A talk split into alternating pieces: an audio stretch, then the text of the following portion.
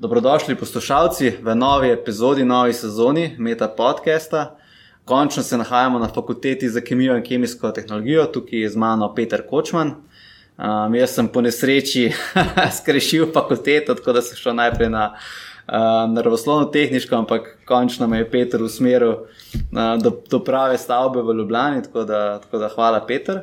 Peter je bil tudi um, udeležen pri letošnjem znanstvenem slemu, ki ga organizira znanost na cesti, to je bilo 16. septembra. Ja, je tako. Tako da je predstavljeno zelo um, zanimivo temo, ki je sploh zdaj s temi protesti proti politiki podnebnih sprememb zelo aktualna, pa bo kaj o tem um, sam več povedal. Je pa tudi kulno, cool, ker je uh, Peter zdaj na magistrskem študiju, tako da malo odstopa od uh, poprečnega intervjuja tukaj na podkastu. Dobrodošel, Peter. Dej nam povej, pač kaj ti sploh študiraš, oziroma kaj si študiral na, na prvi stopni, pa kaj študiraš zdaj? Jaz sem v bistvu študent tehnične varnosti. Tehnično varnost sem študiral na prvi stopni na naši fakulteti za kemijo in kemijsko tehnologijo. Zdaj pa to smer nadaljujem tudi na drugi stopni. Zakaj pravzaprav gre? Gre v bistvu za inženirsko smer, ki se ukvarja z vsem pove, v povezavi z varnostjo. Se pravi, od inženirskih uh, področji, elektrotehnike, gradbeništva, strojništva in na drugi strani z vedami, ki opisujejo delovanje človeka, se pravi medicino, psihologijo. Se pravi, iščemo povezavo med tehniko, človekom, kakšne so nevarnosti, in jih potem s pridobljenim znanjem analiziramo. Želimo prepoznano tveganje tudi umejiti v takih mejah, da so za človeka spremljive. Ta študij že dolgo obstaja? Ne, je v bistvu eden izmed uh, bolj nedavnih, nedavnih oblik, uh, ki se je predvsem razvil v 80-ih, 90-ih kot odgovor na katastrofe, predvsem jedrske. In recimo, ko si predstavljal svojo temo na znanstvenem slemu, si predstavljal v bistvu diplomsko nalogo iz prve stopne? Ali? Ja, ja. In kakšen ja. naslov si imel? Naslov je bil v bistvu vpliv klimatskih sprememb na požarno varnost gozdov. Gozdni požari neposredno vplivajo tudi na varnost eh, človeka, posredno in tudi neposredno. Ampak želja v bistvu motivacijsko gonilo iza tega dela pa je izviralo iz veliko širšega nagnjenja oziroma zanimanja za človeštvo, za naš planet. In v bistvu, kar sem jaz hotel narediti, je bilo to, da vsem pokažem na primeru nečesa, s čimer se srečujemo, naprimer v Sloveniji vsak dan, naprimer z gozdovi, kakšni so trenutni trendi v svetu. Spravi, v svetu se trenutno srečujemo z povečevanjem števila ljudi, poviševanjem koncentracije toplogrednih plinov, lakoto, finančnimi krizami. To trenutno delo, kot sem že rekel, na praktičnem primeru pokaže, kako resne so spremembe, naprimer klimatske spremembe, in, nepo, in kakšen neposreden vpliv imajo potencialno, v mojem primeru, v dobi 20 let na našo lastno varnost. Ampak se pravi, problem uh, je veliko širši, je globalne narave in se definitivno ne zadeva le klimatskih sprememb in gozdnih požarov, ampak seveda tudi vsega ostalega. Si si sam izbral to temo, se pravi, požarov v gozdovih, ali bil to bolj mentor tukaj, mimo grede, če nam zaupaš ime eh, mentorja? Dobil sem enkratno priložnost, da sodelujem z mentorjem, profesorjem, doktorjem Simonom Šnablom, ki se specializira za požare, za požarno varnost. In sem s pridobljenim znanjem potem trenutne trende strokovno opisal. Se ti zdi, da je v Sloveniji recimo požarna varnost ena izmed hujših tveganj, glede na to, da je Slovenija vem, 66 odstotkov gozdov? Tveganje, katerega sem določil, je definitivno zelo visoka, gre pravzaprav za 86-odstotno povišanje tveganja za nastanek gozdnega požara v prihodnjih 20 letih. Se pravi, skoraj za še enkrat. Ampak se pravi, kaj to pomeni, je težko reči, ker Slovenija se trenutno nahaja v nekem zaščitnem uh, kalupu Alpskega gorovja. In na tem območju se trenutno količina padavin, ki ima največjo, največji vpliv na, na ogroženost gozdov pred gozdnimi požari, še ne spremenja. Pri varnosti je zelo pomembna smer, kam se gibljamo. In rezultat, katerega sem dobil, želi predvsem prikazati smer, ki je v našem primeru zelo negativna. Ampak ja, kaj se bo zgodilo, pa je praktično ne mogoče napovedati. Kakšno orodje si pa uporabil, ko si analiziral, poskušal predvideti tveganje požarov v Sloveniji? Najprej sem želel ugotoviti, določiti, kakšne so spremembe na podlagi meritev, ki se izvajajo že več, uh, več let. Z različnimi matematičnimi urodji lahko napovemo določene trendne linije. In potem na opazovanju teh uh, trendnih linij sem sklepal različne stvari. Pomagal sem si prav tako z enim matematičnim modelom, ki je potem upeljan v računalniški program Behave Plus.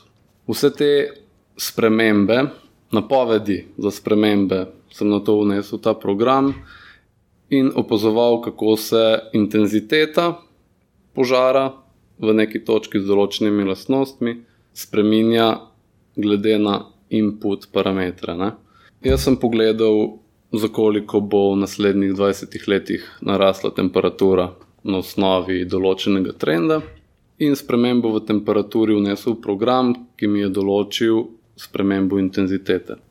Izračun te intenzitete pomeni samo, kakšna bi bila intenziteta, če bi v tem trenutku bil tukaj požar. Podaja nam nek potencial.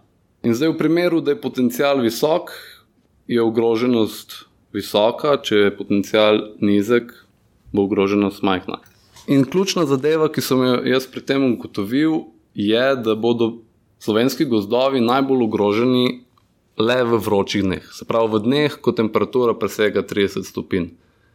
V vseh ostalih dneh, ko je temperatura nižja, ko je više vlažnost, je verjetnost za, požar, verjetnost za nastanek požara praktično nična. Posledično te ugotovitvi sem lahko naredil aproksimacijo, ki sloni na tem, da sem trende v prihodnjih 20 letih primerjal z trenutnimi številkami, se pravi, kakšno je bilo število vročih dni v letu 2018, in na osnovi tega naredil približek spremembe. Ta številka nam praktično ne pove nič. Je samo pokazatelj smeri gibanja trenutnega stanja, je klic k spremembam. Ko smo že pri tem klicu, kakšno je pa recimo tvoje mnenje glede tega um, gibanja mladih, ki zdaj poskušajo bolj mogoče proaktivno, ne vem, če to pravi beseda, prisiliti politike, da malo pohitrijo te svoje politične odločitve, da bi zmanjšali recimo izpuste topogrednih plinov. Uh, jaz mislim, da je gibanje v sklopu Greenpeace, če se ne motim, mislim, da je zelo pozitivna stvar, ampak ni dovolj. Praktično to, da se skupina mladih zauzema za naš planet, ni dovolj. V bistvu jaz rešitev vidim v sodelovanju vseh držav skupaj, v kombinaciji znanosti. Žal, samo s premembami, z zmanjšanjem količine toplogrednih plinov, ne moremo narediti za dosti, da bi omenjeno katastrofo preprečili. Tega trenda zdaj je že momentum, oziroma trajnost je že prevelika, vsekakor ja. gremo k temu, da se bodo temperature povišale. Ja. Recimo ti, kot bodoči strokovnjak za tehnično varnost, oziroma ocene tveganja, ne, kje vidiš recimo, svojo vlogo ali kaj, kaj lahko naredimo, da to zdaj umilimo? V bistvu je zelo žalostno in zelo težko se je pogovarjati o tem, kaj bomo naredili, ko bo nevarno že tukaj. Definitivno pa se vidim v sklopu raziskovalcev, ki bodo predlagali znanstvene rešitve za omenjene probleme in jih probo aplicirati na varnost vseh nas kot posameznikov. A že imaš mogoče kakšno smer, kje se boš, recimo, za magistrsko nalogo ali pa pol kasneje, pač kam te vleče? Vleče me predvsem v nuklearno energetiko, ker osebno menim, da je to eden izmed bolj ekološko usmerjenih načinov pridobivanja energije, predvsem z področja, kar se tiče izpusta toplogrednih plinov. bi se recimo sam v prihodnosti bolj želel zaposliti pri eh, nuklearni elektrarni Krško ali rajši kot recimo raziskovalec na fakulteti? Definitivno raziskovalec. Ki pa vidiš prednosti recimo raziskovalnega dela napram um, neki bolj industrijski aplikaciji tvojega znanja? Kot raziskovalec uh, si želim prispevati skupnemu dobru. Kot delavec industriji pa si praktično usmerjen le v industrijski dobiček in s tem namenom tudi uh, opravljaš svojo aktivnost. In osebno menim, da moj karakter, moja osebnost bolj teži k uh, raziskovalnemu delu. Kako pa to, da si se odločil za nastop na znanstvenem slemu? Že nekaj časa me spremlja vprašanje, kaj pomeni znanje, če ga ne znaš deliti. V sklopu študija sem se praktično največ naučil prav iz tega, da sem svoje znanje poskušal deliti s sošolcem, mlajšim kolegom. In ko nekatere stvari dobesedno nisem razumel, sem v procesu učenja drugih doživel preskok in svoje znanje pripeljal na bistveno višji nivo. Javno nastopanje je samo še level up. Sploh zaradi tega, ker je bila moja tema zelo pomembna, zelo atraktivna, sem se odločil, da jo predstavim še na znanstvenem slemu. Predstavil sem jo že prej na letošnji tehnologijadi v Makarski. In ja, praktično cilj je bil predstaviti tematiko, ozavestiti ljudi, da nekaj se dogaja in upati na nek pozitiven odziv. Predvsem, da bi predstavitev naletela na všesa, ki bodo imela v politiki morda ali pa v industriji nek vpliv. Kaj pa so recimo tvoji predlogi, kako lahko zmanjšamo nevarnost požara. Recimo, en, ki mi je bil zelo zanimiv, ko sem prav to vodil plosko nalogo, je bil ta, da je že pri gradni cest skozi gozdna območja dobro razmišljati o tem, kako v bistvu samo m, mm, arhitekturo cest, oziroma ki poteka, lahko nekako omejimo um, požare, oziroma jih pomagamo omejiti. Lahko ja. kaj več o tem poveš? Prav... Recimo v Sloveniji, kdo to vzame v zakup, ko to načrtuje, mogoče veš? Uh, mislim, da se iz dneva dan. Uh gradbeniki tega vse bolj zavedajo, mislim, da je tudi že v praksi.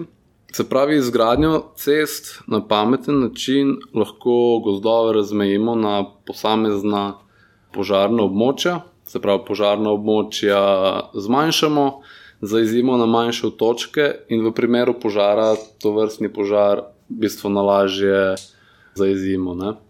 Eh, prav tako lahko to zagotovimo s požarnimi izseki.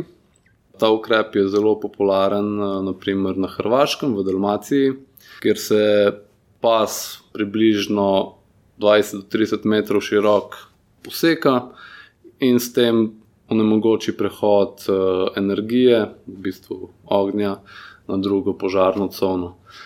To so vse preventivni ukrepi. Bistveno bolj zanimivi so ukrepi, ki se nanašajo na izvor tveganja in to so klimatske spremembe. Moji kolegi, ki so prav tako sodelovali na znanstvenem slemu, so predstavili nekatere izmed rešitev v obliki projektov.